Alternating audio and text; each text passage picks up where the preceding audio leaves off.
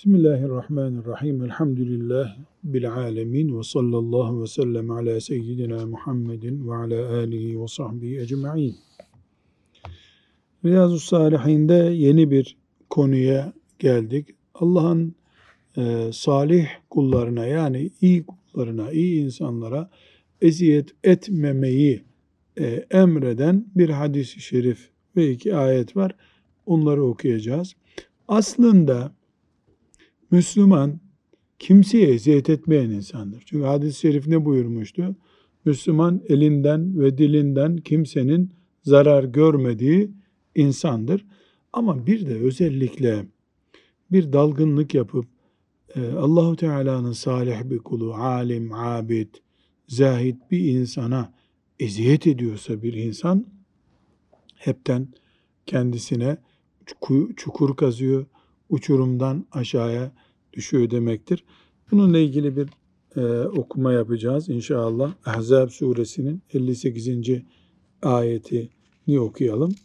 İnşallah Teala e, hadis-i şerifi de okuyacağız. Hafız Efendi oku. Euzu billahi mineşşeytanirracim. Bismillahirrahmanirrahim. Vellezine yu'zunel mu'minine vel mu'minati bi gayri mektesebu fekad ihtemelu buhtanen ve ismen mubina. Mümin erkeklere ve mümin kadınlara yapmadıkları bir işten dolayı haksız yere eziyet edenler şüphesiz büyük bir iftira etmiş ve açık bir günah yüklenmiş olurlar. Evet, açık bir günah yüklenmiş olurlar. Bunu e, bir siyasetçi yapabilir, memur yapabilir, zulmediyor, iftira ediyor. Bir iftiraya dayalı olarak eziyet ediyor. Sıradan bir komşu yapabilir, cami imamı yapabilir, cami imamına yapılabilir, esnaf yapabilir, kim olursa olsun, kadın veya erkek, mümine eziyet eden Allah'tan cezasını görür. Bu kadar basit. Mümine eziyet eden ceza görür. Bunu ayetle, bu ayeti Celle Ahzab suresinin 58. ayeti, bu ayeti celileyi düşünen mümin anlar ki kullarına eziyet ettin mi Allah bunun dünyada da sana azabını tattırır, karşılığını tattırır, ahirette tattırır. Onun için mümkün mertebe insan kimseye zarar vermeyecek bir komşuluk yapmalı. Kimsenin ondan zarar görmeyeceği bir ticaret yapmalı, dostluk yapmalı, akrabalık kurmalı, hısımlık kurmalı. Siyaseti bu olacak müminin vesselam. Peki Duha suresinin 9 ve 10. ayetlerini de okuyalım. فَأَمَّا الْيَت۪يمَ فَلَا تَقْهَرْ وَأَمَّا السَّائِلَ فَلَا تَنْهَرْ Yetimi sakın horlama ve dileneni asla kovma. Bu ayet e, bir önceki ayete ilave olarak bir defa yetimi koruma altına alıyor. Çünkü yetim toplumun sahipsizi gibi durur. Ama yetimin de Allah'ı var. Yetim yetim öyle sahipsiz derken Allah'ı var onun. Ne yapıyorsun? E, dilenen, dilenmek durumunda olan birisine de insan hor davranmamalı. Veremiyorsan vermiyorsun. Sadaka veremiyorsan bir sıkıntı yok ama horlayarak, tepeleyerek e, onun toplumda yeri olmadığını hissettirmenin bir vebali var. Şimdi 2, 3, e, 390.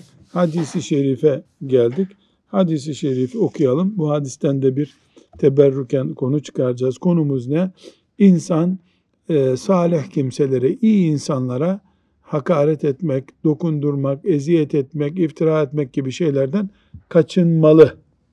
Bunu anlatıyoruz. Evet. Cündeb İbni Abdillah radıyallahu anh'ten rivayet edildiğine göre Resulullah sallallahu, sallallahu aleyhi ve sellem şöyle buyurmuştur. Sabah namazını cemaatle kılan kimse Allah'ın güvencesindedir. Sakın Allah güvencesi altında olan bir şeyden dolayı sizi takibe almasın. Çünkü Allah güvence verdiği bir şeyden dolayı kimi takip ederse onu yakalar, sonra da onu yüzüstü cehennem ateşine atar.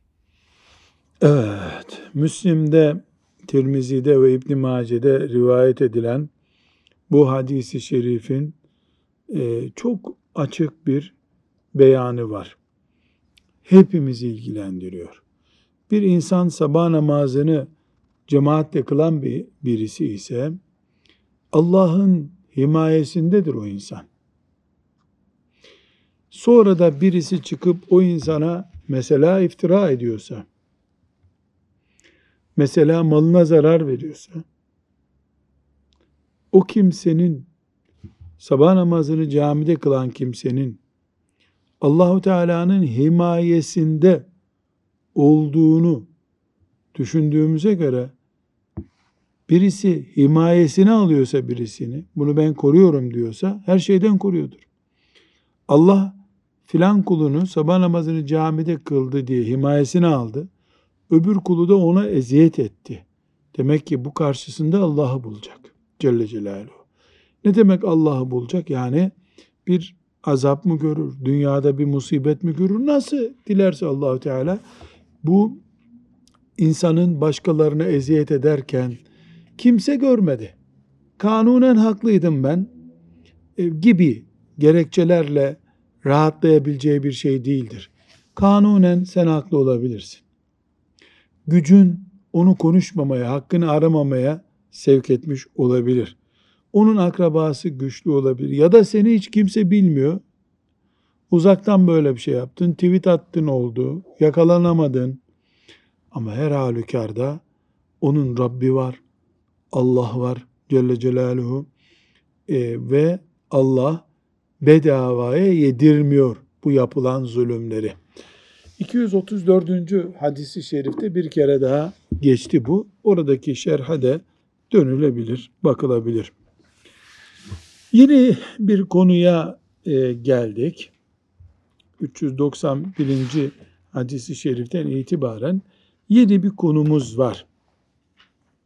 Bu konumuzun içeriği şu şekilde. Bir insanı camide namaz kılarken görüyoruz. Oruç tutarken görüyoruz. Hacca gitti. Kur'an okuyor. Ama onun Müslüman olmadığını düşünüyoruz. Yani içinde Müslümanlık yok diyoruz.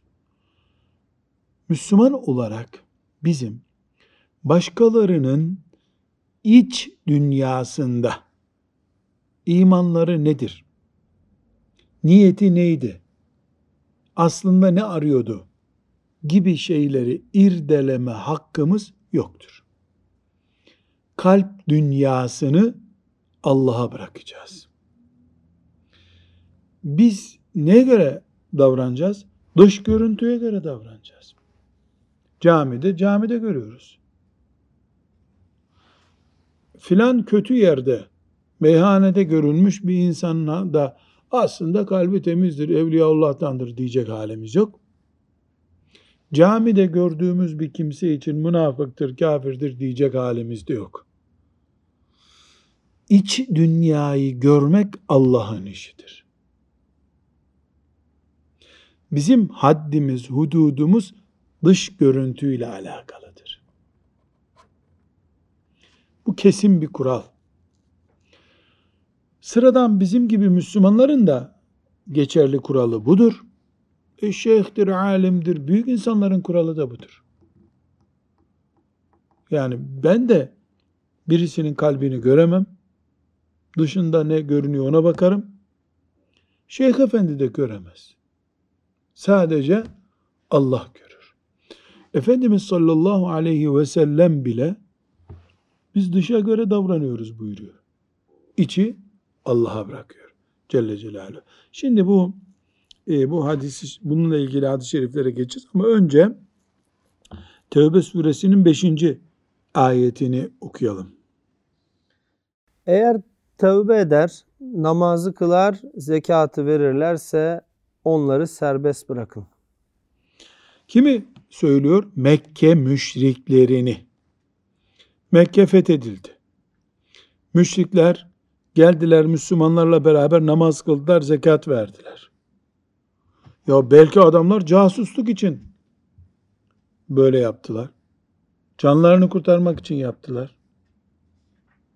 E, allah Teala peygamberine ne buyuruyor? Siz namaz kılıyorlarsa, zekat veriyorlarsa karışmayın gerisine. Bırak.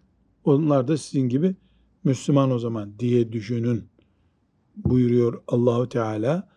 Peygambere bile bak bakalım içlerinde inançları tam mı diye sorgulama emri vermiyor. Bugün bizim için hayda hay zaten hiçbir şekilde müdahale etmek mümkün değil. 391. hadisi şerife dönelim. Orada e, Efendimiz sallallahu aleyhi ve sellem daha açık bir şekilde bu talimatını veriyor. Abdullah İbni Ömer radıyallahu anhuma'dan rivayet edildiğine göre Resulullah sallallahu aleyhi ve sellem şöyle buyurdu. Ben Allah'tan başka bir ilah bulunmadığına, Muhammed'in Allah'ın Resulü olduğuna şehadet edip namazı dosdoğru kılıncaya ve zekatı hakkıyla verinceye kadar insanlarla savaşmakla emrolundum. Bunları yaptıkları takdirde kanlarını ve mallarını benden korumuş olurlar.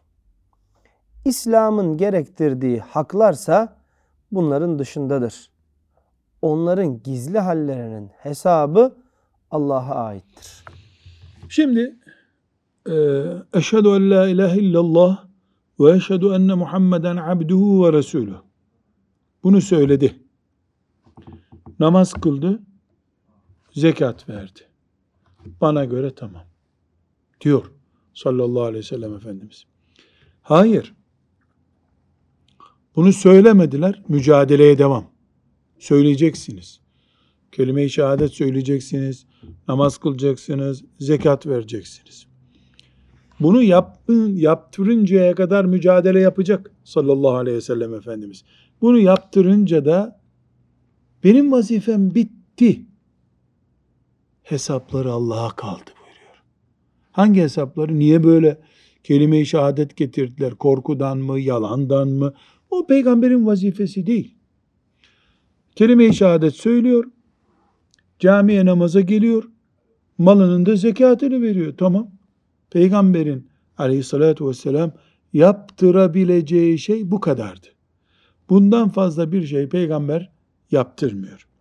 Elbette Müslüman olduysan İslam'ın sana emredeceği bir toplumsal sorumluluk var.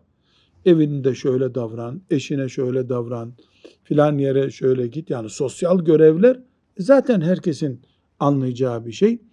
Ama bunun dışındaki zorlamalar bende yok buyuruyor. Kalbi yarmak yok. Bu adamın kalbindeki fesat, düşünceler, bozukluklar Allah'a kalmış. Bir kere daha şimdi bu meali okuyalım Salih Hocam. Ben Allah'tan başka bir ilah bulunmadığına, Muhammed'in Allah'ın Resulü olduğuna şehadet edip namazı dosdoğru kılıncaya ve zekatı hakkıyla verinceye kadar insanlarla savaşmakla emrolundum. Bunları yaptıkları takdirde kanlarını ve mallarını benden korumuş olurlar. Müdahale etmem. İslam'ın gerektirdiği haklarsa bunların dışındadır. Onların gizli hallerinin hesabı Allah'a aittir. Gizli halleri olabilir. Bizi ilgilenmiş. Şimdi Efendimiz sallallahu aleyhi ve sellem kendisi için bunu söylüyor. Cebrail aleyhisselam geliyor. İslam yüzde yüz yaşanıyor. Buna rağmen kim niye geldi, ne aradı, ne buldu bunlara karışmam diyor. Aradan 1450 sene geçtikten sonra biz hele bir bakalım bunun kalbinden ne geçiyor diye bir istihbarat yapabilir miyiz? Yapamayız. Ama camimize gelecek. Değil mi? Zekatını verdiğini bileceğiz. E, dolayısıyla bizim daha ileri gidecek, kontrol edecek bir şeyimiz yok. Bizimle beraber oruç tutuyor. E, övlende kaçamak yemek yiyormuş. Biz onu teftiş edebilir miyiz? Etsek de zaten ne çıkar? Unuttum yedi, içtim yedim der. Dolayısıyla bir sonuç elde edemeyiz. Bu hadisi şerif hepimize ölçü koyuyor ama çoluk çocuğumuzda da koyuyor. Bu sadece sokaktaki insan için değil, bir baba ve anne ne kadar sorumlu çocuğunu yetiştirmekte? İşte peygamber ne kadar sorumluysa. Bir hoca efendi cemaatini yetiştirmekte ne kadar sorumlu? E bu peygamber ne kadar sorumluysa. Yani bir hoca efendi ben sizin iş dünyanızı da kontrol edeceğim dese haddini aşmış olur. Dışarıdan İslam'a uygun görülüyorsa İslam'dır. Evet. Bir sonraki 392. hadisi şerife geçelim. Ebu Abdillah Tarık İbni Eyşem, Eşyem radıyallahu anh'ten rivayet edildiğine göre Resulullah sallallahu aleyhi ve sellemin şöyle buyurduğunu işitmiştir. Kim Allah'tan başka ilah yoktur der ve Allah'tan başka ibadet edilenleri inkar ederse o kimsenin malı ve kanı haram olur. Gizli hallerinin hesabı ise Allah'a aittir. Bu da aynı bir önceki hadis gibi değil mi? Ama öncelikle ne var? Tevhid. La ilahe illallah. Muhammedur Resulullah olacak. Putlardan ve diğer e, tapınılan şeylerden arınmış olacak. Yani hem putunu saklıyor hem de Allah'a iman ediyor. Böyle zaten böyle kelime-i tevhid olmaz. Bunu söyledikten sonra Müslümanın kanı, malı, onuru dokunulmazdır artık. Peki bunun biz böyle putlara tapınmıyor ama gece kalkıp gizli gizli putuna tapınıyor. Bunu inceleme hakkımız var mı bizim? Yok. Müslümanların mahrem, gizli, özel hayatlarını inceleme hakkına sahip değiliz. Hatta bu yasak bile. Böyle bir suç işliyor ama hesabuhum alallah. Onu Allah'a bırakıyoruz. Kim bilir nice insanlar Müslümanım diye bizi kandırdılar. Bir bakacağız ki kıyamet günü hiç İslam'la ilgileri yokmuş. Meğer ki filancanın e, kızıyla evlenmek için aile ilişkilerinden dolayı Müslüman görünmüş. Siyasi açıdan iktidara yakın görünmek için Müslümanlara menfaatli görün gibi yani. Ama hiçbiri bizi ilgilendirmiyor. Bir sonraki 393. hadisi şerifte benzer bir mana var. Onu görelim. Ebu Ma'bed Mikdad İbni Esved radıyallahu anh şöyle demiştir. Ben Resulullah sallallahu aleyhi ve selleme dedim ki kafirlerden bir adamla karşılaşsam ve onunla vuruşsak o benim ellerimden birini kılıçla vurup koparsa sonra da benim elimden kurtulmak için bir ağacın arkasına sığınsa. Şimdi bir senaryo çiziyor. Bir Müslüman bir kafirle karşılaştı. Kafir vurdu elini kopardı adamın. Sonra baktı ki Müslüman buna rağmen ondan intikam alacak. Geçti bir ağacın arkasına saklandı. Böyle bir şey düşünüyorum. Hı. Ben Allah için Müslüman oldum dese. Onu böyle dedikten sonra öldürebilir miyim ya Resulallah? Ne dersin? Resulullah sallallahu aleyhi ve sellem sakın onu öldürme buyurdu. Ben ya Resulallah adam benim iki elimden birini kopardı. Ondan sonra bu sözü söyledi dedim. Bunun üzerine Resulullah sallallahu aleyhi ve sellem şöyle buyurdu. Sakın öldürme. Eğer onu öldürürsen o senin kendisini öldürmezden önceki durumundadır. Sense onun o sözü söylemeden önceki durumuna düşersin. Neuzubillah. Bukhari'de ve Müslim'de bir hadis bu değil mi? Bu büyük bir tehdit ama. Şimdi durum ne? Müslüman kafirle karşılaştı. Müslümanın durumu belli mi Allah katında? Belli. Kafirin durumu belli mi? Belli. Kafir bir operasyon yaptı, Müslümanı vurdu, kolunu kopardı. Müslüman onu kovaladı. Adam baktı ki paçasını kurtaramayacak. La ilahe illallah Muhammedur Resulullah ben de Müslümanım dedi. Birden gök gürledi, yer değişti. Ne oldu? Adam kafirdi. Bize göre. Canını kurtarmak için Müslüman oldum dedi. Kelime-i şehadet getirdi. Belli mi bu adamın canını kurtarmak için dedi? Belli. Kalbini yarıp bakıyoruz mu belli mi değil mi diye. Adamın belki o zaman vakti geldi. Buna rağmen bu Müslüman vay hain Sen bunu zaten canını kurtarmak için dedin. Ya Allah deyip vurup öldürse onu ne buyurdu Efendimiz? Külahları değişirsiniz. Yani o Müslümandı bu kafirdi. Sen Müslüman oldum diyen adamı öldürdün. Sanki kafirin yerine geçtin. O senin yerine geçti gibi olur buyurdu. Sallallahu aleyhi ve sellem. Şimdi burada bu hadisten çıkan hükümlerden önce Talha hocam hakikaten o anda Müslümanlık ve peygamber sözü dinlemek çok zor ya. Asıl imtihan o değil mi? Yani şimdi yani bırak sen Riyazu Salih'in okuyan bir hoca efendi olmayı. Allah muhafaza buyursun. Kendini öyle bir yere koy. Adam kolunu koparmış senin. Belli ki yani ölüm tehlikesini görmesi öyle bir şey söylemeyecekti.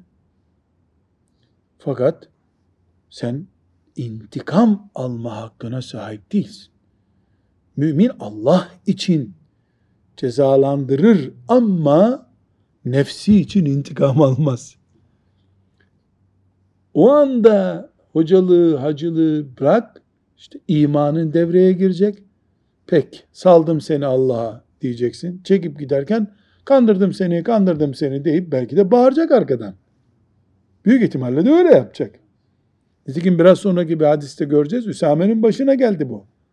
Böyle bir durum e, o karşıdaki kimseyle yani kafirken Müslüman olan kimseyle savaşmanın da e, niçin savaştığımızın da bir testi olmuş oluyor hocam. Evet, nefsimiz için mi yapıyorduk bu işi biz? Allah'ın askeri miydik? Yani bu adam La ilahe illallah Muhammedur Resulullah dedi ve bitti. Adam bir dakika içinde saf değiştirdi.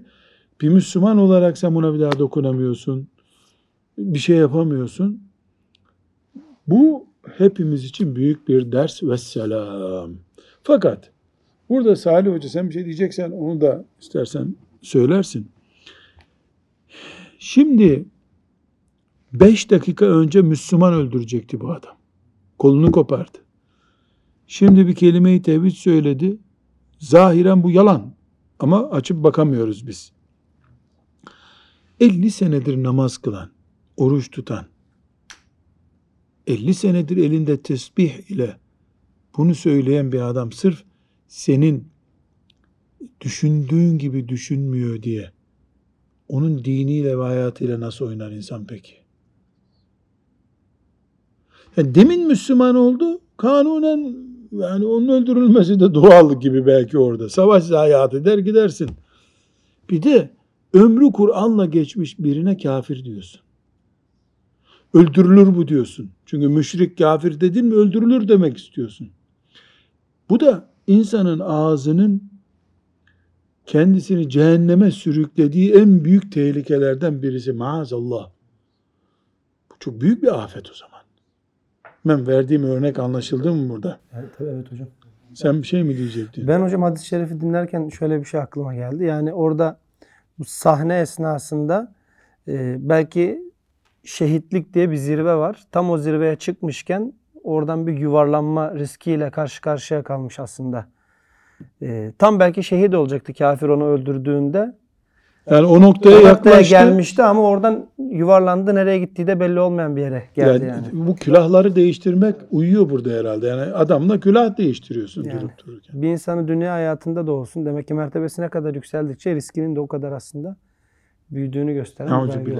Bu da bir şey daha bize hatırlatıyor ki yani bir kere Müslüman oluyorsun. La ilahe illallah diyorsun. Ramazan oruç tutuyorsun ama tıpkı araba kullanmak gibi bir dakika gözünü kapatmaman gerekiyor. Yani trafik kazaları 5 saat süren bir operasyonla olmuyor herhalde değil mi? Bir saniye belki. Mesela 150 kilometre giden bir araçta bir saniyelik bir direksiyon hatası bir daha toparlanmıyor. Yani sürat 50-60 olsa belki 1-2 saniyede toparlarsın ama hele yarım dakika süren bir uyku dalgınlık götürür mesela değil mi? Bu, bu kadar basit. İman da böyle bir şey. Çok dikkat etmek gerekiyor vesselam. Bu mühim bir hadis-i şerifti. Şimdi 394. hadisi şerife gidelim. Üsame radıyallahu anh kimdir bu Üsame? Efendimiz sallallahu aleyhi ve sellemin en çok sevdiği delikanlı ve bir de vefat ederken Komutan olarak. İslam sancağını teslim ettiği çocuk. Çocuk aynı genç. Yani çocuk artık nasıl çocuksa o çocuğun önünde ünlem var. Çocuk. Küçükken de severdi onu. Bir de e, kölesinin çocuğu. Azadlı kölesinin çocuğu. Radıyallahu anh. Şimdi burada biraz önce okuduğumuz e, 393. hadiste okuduğumuz hadislerin pratiğini yapıyor şimdi Efendimiz sallallahu aleyhi ve sellem. Evet. Üsame İbni Zeyd radıyallahu anhuma şöyle demiştir. Resulullah sallallahu aleyhi ve sellem bizi Cüheyne kabilesinin Huraka kolu üzerine göndermişti. Sabahleyin onlar sularının başındayken üzerlerine hücum ettik. Ben ve ensardan bir kişi onlardan bir adama ulaştık. Biz onun üzerine yürüyünce adam la ilahe illallah Allah'tan başka ilah yoktur dedi. Şimdi bak buradan dikkatli dinleyelim. Hadis belki uzun gelecek. Yani Efendimiz Cüheyne isimli bir kabileye bir ordu gönderiyor. Üsame de orada. Üsame de bir orduda. Adamlar gidip sabah vakti işte koyunlarına falan çıkacakları zaman yakalıyorlar onları. Ensardan birisiyle beraber e, müşriklerden birini Efe, Üsame radıyallahu anh yakalıyor. Adam açık gözlük yapıp la ilahe illallah, la ilahe illallah diyor. Evet. Bunun üzerine ensardan olan arkadaşım ona hücumdan vazgeçti. Yani e, tamam bu adam Müslüman oldu dedi bıraktı. Bense mızrağımı ona sapladım ve adamı öldürdüm. Daha delikanlı ya. Biz Medine'ye gelince bu olay Peygamber sallallahu aleyhi ve sellemin kulağına gitti ve bana Üsame la ilahe illallah dedikten sonra adam öldürdün mü? Adamı öldürdün mü? buyurdu. Ben ya Resulallah o bu sözü sadece canını kurtarmak için söyledi dedim. Peygamber sallallahu aleyhi ve sellem Efendimiz tekrar La ilahe illallah dedikten sonra adamı öldürdün mü?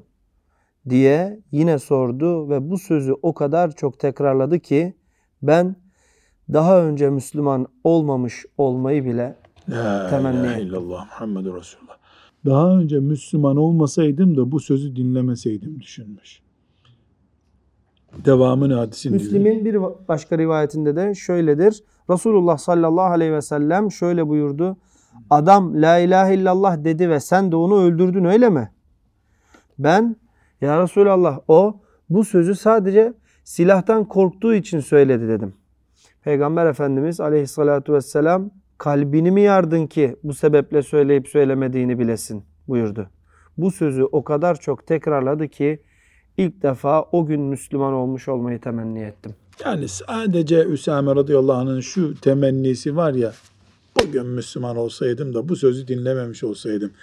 Ne düşünmesi bile konunun ağırlığı, Efendimiz sallallahu aleyhi ve sellemin ona ikazının ne kadar ağır geldiğini anlatmış oluyor. Radıyallahu anh. Yani bu Müslüman öldürmek. Sana göre Müslüman değil o. Ama Müslümanlığın yüzeysel şartları var adamda. Sen kimsin kalbini yarıp bakacaksın. Şimdi burada bu hadisi şerifle ilgili çok şey söylemeye gerek yok. Önceki hadis bununla örneklenmiş oldu. Bir sonraki hadis de buna benzer bir örnek getirecek. Şimdi burada Efendimiz sallallahu aleyhi ve sellem Üsame'ye bir ceza vermedi. Niye ceza vermedi? Bu özellikle gidip bir yerde yaptığı bir operasyon değildi Üsame'nin. Bir savaş var. Savaşın arasında Üsame'nin oturup bir karar vereceği kadar bir vakit imkanı yok. Bir yarım dakika içinde olmuş bir olay bu. Yani en fazla bir dakika sürmüştür. Üsame yani la ilahe illallah dedin ciddisini Muhammed Resulullah dedin mi demedin mi bir inceleme vakti bulamadı. Ee, öbür sahabi gibi yapsa sen gel bakalım senin Medine'de bir sorgulayalım deseydi belki adamın gerçek kimliği de ortaya çıkacaktı. Ama neticede bu bir kasıt üzerine değil bir yorum üzerine yapılmış.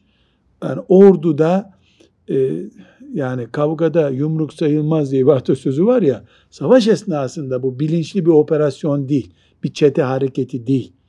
Bir hınç intikam hareketi değil. Savaş var. Savaş esnasında 10 saniye içinde bu gerçek mi değil mi bir karar verecekti. Veremedi o kararı radıyallahu anh. Efendimiz sallallahu aleyhi ve sellem onu azarladı, ayıpladı, yanlış olduğunu ikaz etti. Vay haline senin kıyamet günü dedi. Ama ondan sonra da ona bir ceza vermedi.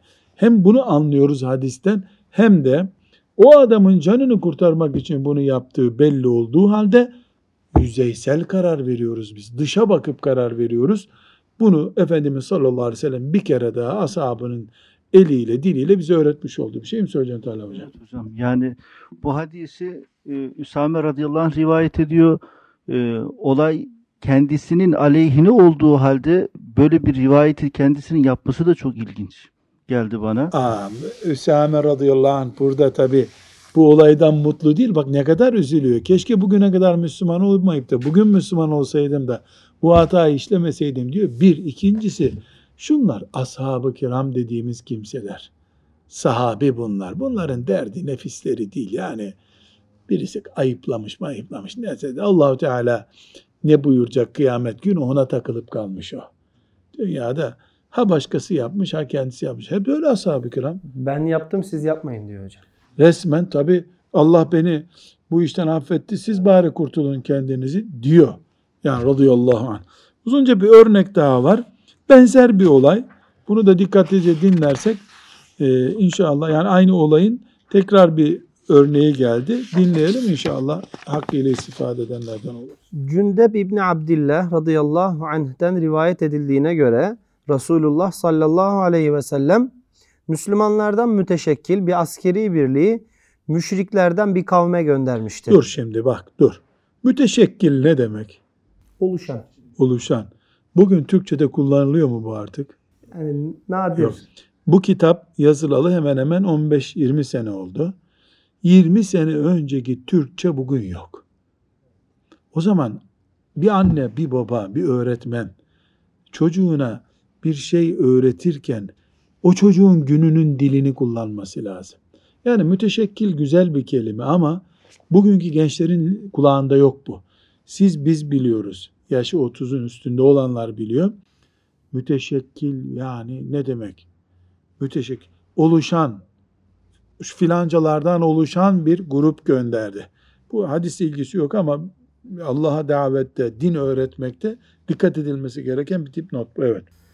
Müslüman askerler müşriklerle karşılaştılar. Müşriklerden bir adam Müslüman askerlerden istediğine saldırıp öldürüyordu. Müslümanlardan biri de onun boş bulunduğu anı gözlüyordu. Biz bu Müslümanın Üsame İbni Zeyd olduğunu konuşup duruyorduk. Yani Üsame, şimdi biraz önceki odası 94. hadiste Üsame kendi anlattı. Şimdi Cündep radıyallahu anh Üsame'yi dışarıdan izlemiş. Evet, olayı başka bir taraftan dinliyoruz. Heh. Üsame kılıcını çekip de adamı öldüreceği sırada o La ilahe illallah dedi. Fakat Üsame onu yine de öldürdü. Peygamber Efendimiz sallallahu aleyhi ve selleme müjdeci geldi. Peygamber aleyhisselam Efendimiz ona ordunun durumunu sordu. O da olup biteni kendisine haber verdi. Hatta o adamın durumunu ve Üsame'nin ona ne yaptığını da anlattı. Bunun üzerine Peygamber sallallahu aleyhi ve sellem Üsame'yi çağırdı ve ona adamı niçin öldürdün diye sordu. Peygamber Efendimiz meseleyi öğrendi. Heh.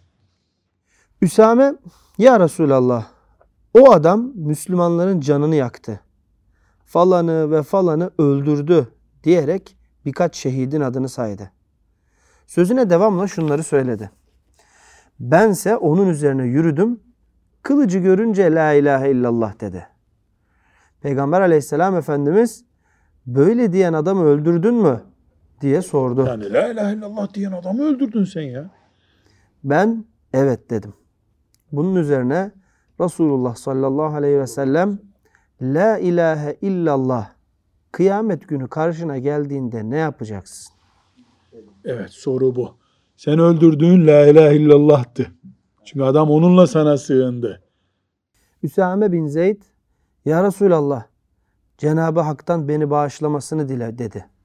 Yani affetsin beni Allah diye yalvardı. Resulullah sallallahu aleyhi ve sellem durmadan La ilahe illallah kelimesi kıyamet günü huzuruna geldiğinde ne yapacaksın söyle. La ilahe illallah sözü kıyamet günü huzuruna geldiğinde ne yapacaksın diyor başka bir söz söylemiyordu. Evet. Bu da gösteriyor ki can kıyarken çok dikkat etmek lazım. Adam yalan dedi, riya için dedi. Böyle bir hakkı yok kimsenin. Cana kıyan yandı kıyamet günü. Hele la ilahe illallah Muhammedur Resulullah diyen birinin hakkına gelince Efendimiz ne buyuruyor? Ne yapacaksın kıyamet günü diyor. Kıyamet günü. E ya Resulullah dua et Allah beni affetsin. Ne yapacaksın kıyamet günü diyor. Bu sahne de çok önemli. Allah hepsinden razı olsun ama Cündep radıyallahu anh daha güzel tarif ediyor sahneyi değil mi? Çok Yani adamın adamın adamın öldürülmesi Evet. lazım. Adam şimdi ne deniyor ona? Ee, keskin nişancı. keskin nişancı. Yani keskin nişancı yakaladığını öldürüyor. Yakaladığını öldürüyor. E, Üsame de fırsatını yakalamış. Saymış bak kaç kişi şehit verdik bundan dolayı diyor. Ama adam la ilahe illallah dedi. Protokole uygun adamın yaptığı. O anda işte çok zor nefsi zapt etmek. E, Rabbim bu halle karşılaştırmasın bizi. Yani asas dua etmemiz gereken bu. Bu halle karşılaştırmasın. Ben burada Allahu Teala'nın mağfiretine sığınarak bir örnek vermek istiyorum. Pek çok anne baba biliyorum. e, çocuğunun mümin olduğunu bildiği halde işte filan hatasından dolayı belki o hata büyük ama gerçekten büyük. E, o anlık gerginlikle bir de din diye bir iddiada bulunarak e, çocuğunu evden kovuyor, işte dövüyor, evlatlıktan atıyor. Bu anda da e, nefis devreye giriyor. Mesela çok güzel bir örnek. Allah'ını seviyorsan yapma böyle. Deniyor ya kavgada. Bu da bir kelime-i tevhid işte. Yani Allah'ını hatırı için böyle yapma sözünden sonra Hasan Hoca ne denebilir bir insana yani? Yani Allah için yapma diyor sana. E o da la ilahe illallah dedi işte. Mesela eşler birbirlerine vurup kırıyorlar. İkisi de haklı veya biri haklı öbürü haksız önemli değil. Öbürü Allah'ını seversen gel bu işi kapatalım diyor. Mesela ne kadar kötü bir şey. Allah bu işe karıştırma. Ya Allah hangi işe karışacak? Bu en şiddetli anında karışmıyorsa hangi işe karışacak? Demek ki en kritik anda nefis gel buraya diyor. Nauzu billahi teala. Bu hadis-i şerif çok mübarek ya Rabbi. Üsame ve Cündep kullarının e, sevgisi yüreğimizi doldurmuştur. Bunlara mağfiret buyurduğun gibi, rahmetinle muamele ettiğin gibi bizi de onlarla beraber kıl ya Rabbi. Böyle hatalardan da hepimizi muhafaza buyur. Bir sonraki hadis-i şerife 396. hadis-i şerife geçelim. Ee, evet. Abdullah İbni Utbe İbni Mes'ud der ki Ömer bin Hattab radıyallahu anh Radıyallahu anh. şöyle derken işittim. Resulullah sallallahu aleyhi ve sellem zamanında Allah katından gelen vahiy sayesinde insanlar gizli hallerinden de sorumlu tutuluyorlardı. Ne diyor? Resulullah sallallahu aleyhi ve selleme vahiy geldiği zaman herkesin içi dışı biliniyordu. Münafığın kalbindekini gelip Cebrail aleyhisselam Efendimiz'e haber veriyordu. Dolayısıyla o zaman iş kolaydı. Hiç kuşkusuz vahyin arkası kesilmiştir. Şimdi vahiy yok. Peygamber yok çünkü. Bizse şu anda sizleri bize apaçık belli olan davranışlarınız sebebiyle hesaba çekeriz. Ha, biz gel bakalım senin kalbinde şu vardı değil. Sen şunu yapıyorsun gel diye hesaba çekeriz. İslam siyasetinin altını çiziyor Ömer radıyallahu anh. Dolayısıyla bize iyi davranışlar gösteren kimseyi güvenilir kimse bilir ve ona yaklaşırız. Ah, bir, bir fitne fesada karışmamışsın. Tamam. Onun gizli hallerinden hiçbir şeyi araştırmak bize düşmez. Altını çizeceğimiz cümle bu işte. Demek ki Ömer radıyallahu anh kimsenin kalbini karıştırma hakkı kimseye tanımamış. O kişinin gizli halleriyle ilgili hesabını Allah görür. Elbette. Bize karşı kötü davranışlar sergileyen bir kimseyi de güvenilir bulmayız. Ha ben görüyorum ki sen ümmete zarar veriyorsun. Tüccarsın. Müslümanları aldatıyorsun. Vergini kaçırıyorsun. Neyse yani. E ben sana niye itimat edeyim? Çünkü benim esas aldığım senin uygulamaların, görüntündür. O kişi gayesinin iyi olduğunu söylese bile ondan emin olmaz ve kendisini doğrulamayız. Evet. Devletin dış işleri, dış görüntüleri izleme görevi var. Kimse mahrem konuları, gizli işleri araştıramaz. Ömer'in ada- a- adalet anlayışında ne var? Bize iyi tavır sergileyene iyi tavır sergileriz. Bize düşmanlık yapana da e, yani biz de o zaman cezasını veririz düşünüyor. Buradaki mesele e, iman meselesi. Yani madem Allahu Teala e, kalplerdeki incelikleri, insanların iç duygularını bir ben bilirim. Alimun bizâtis sudur değil mi? Göğüstekileri Allah biliyor sadece. Siz bilmezsiniz diyor. O zaman biz müminler olarak birbirimizin röntgenini çekme hakkına sahip değiliz. İman eğitimimiz bunu gerektiriyor çünkü. Hükümler, kararlar dış görüntüye göre verilecek. Beyazsa beyaz. Aslında bunun asıl rengi kırmızıydı diyemeyiz. Beyazsa beyaz. Ve bir kural daha koyuyor Ömer radıyallahu anh ne diyor? Senin niyetinin iyi olabilir. Kötü gördüğüm şeye kötü karar veririm ben diyor. Sen bunu iyi niyetle yapmış olabilirsin. Nasıl dış görüntün iyiyse iyi kabul ediyordum seni. E sen insanlara zarar verdin niyetin iyiymiş. İyi niyetle de olsa verdiğin zararın bedelini ödersin. E, bu arada tabii hiç mi insanların özrü kabul edilmiyor? Özür beyan edenin özrü kabul edilir. Ama hangi özür kabul edilir? Kimseye zararın olmadı. Sen benim gözlüğümü kırdın, özür dilerim. Ödersin bunu. Bunun özrü nedir? Kırdığın gözlüğü ödemektir.